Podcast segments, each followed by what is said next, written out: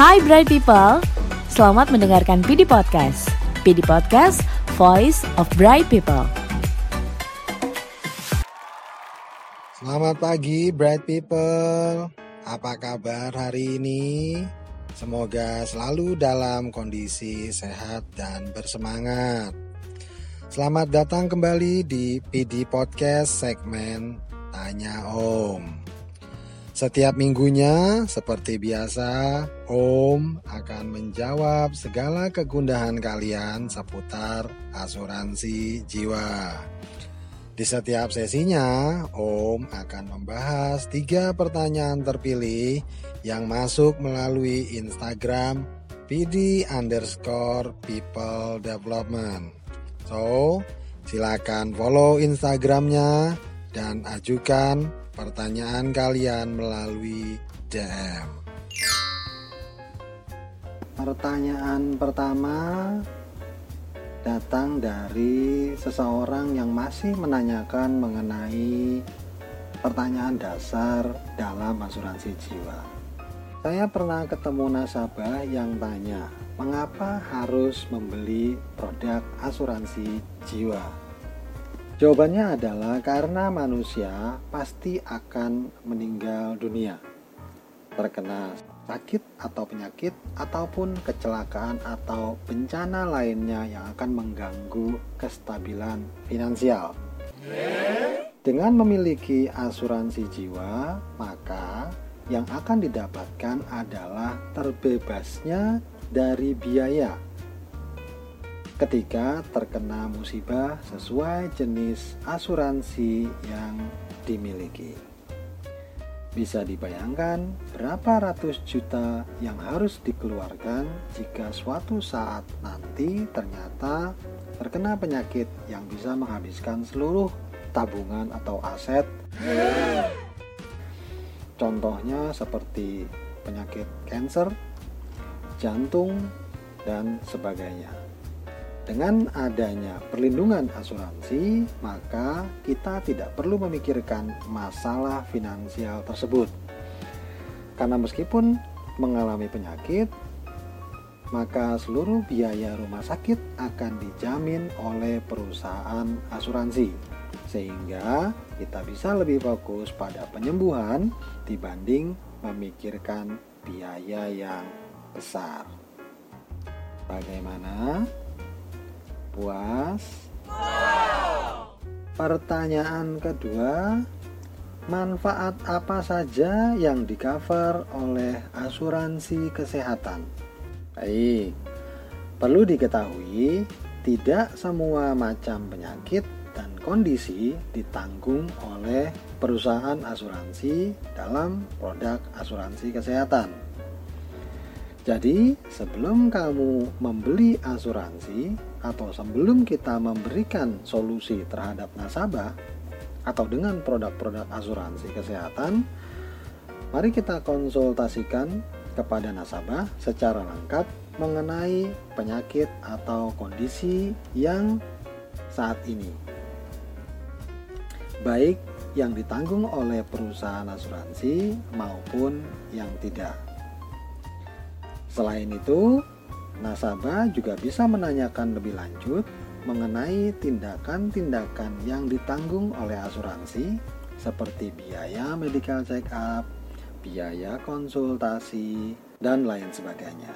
Jangan sampai program asuransi ataupun solusi yang kita bisa berikan kepada nasabah malah menjadi sia-sia dan tidak bisa membantu ketika nasabah mengalami penyakit-penyakit tertentu yang tidak di cover atau tidak dilindungi dalam produk asuransi kesehatan. Bagaimana? Puas? Pertanyaan ketiga, bagaimana mengatasi keberatan nasabah yang merasa sudah secure dengan asuransi kesehatan dari perusahaan? Baik, banyak sekali kita temui nasabah-nasabah yang kita berikan solusi terhadap kebutuhan perlindungan kesehatan, kemudian nasabah menjawab dengan bahwa mereka sudah memiliki perlindungan kesehatan yang didapat dari perusahaan tempat bekerja. Untuk itu, kita bisa sampaikan tiga alasan utama mengapa nasabah harus tetap memiliki asuransi kesehatan pribadi. Yang pertama adalah tidak adanya jaminan bahwa perusahaan tempat bekerja nasabah akan memberikan asuransi jika nasabah tidak dapat lagi bekerja karena masalah kesehatan. Ingat. Yang jadi concern berikutnya adalah jika memang setelah ada kondisi kesehatan kemudian nasabah baru membeli asuransi kesehatan maka kecil kemungkinan akan diterima oleh perusahaan asuransi jiwa pengajuan asuransi kesehatannya. Untuk itu, itu adalah alasan pertama kenapa nasabah harus membeli atau harus memiliki asuransi kesehatan pribadi. Yang kedua adalah biasanya plafon atau batasan tahunan yang diberikan oleh asuransi perusahaan tidak terlalu besar. Sebagai keluarga, pastinya ingin memberikan perawatan yang layak untuk keluarga. Salah satu solusi untuk masalah tersebut adalah dengan tetap memiliki asuransi kesehatan pribadi.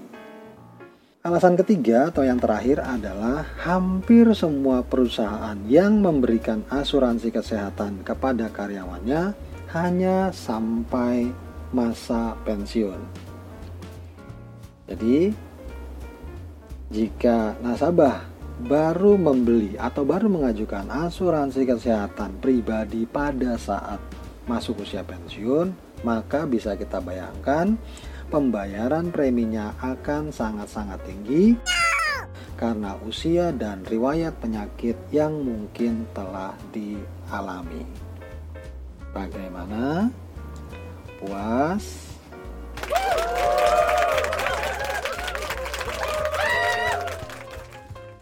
Nah, itu tadi tiga pertanyaan terpilih yang ditayangkan sesi kali ini di segmen Tanya Om. Kalian yang pertanyaannya ditayangkan di segmen Tanya Om berhak untuk mendapatkan poin tada. Kalian bisa cek poin tadanya di Real Action Tada.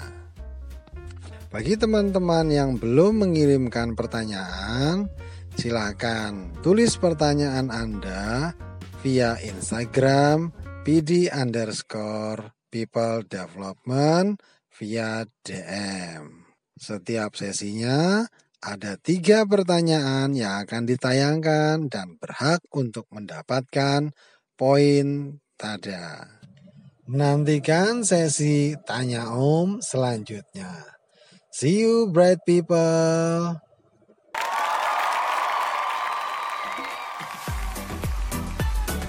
Hai bright people, terima kasih telah mendengarkan PD Podcast. Tunggu keseruan PD Podcast episode selanjutnya ya. PD Podcast, Voice of Bright People.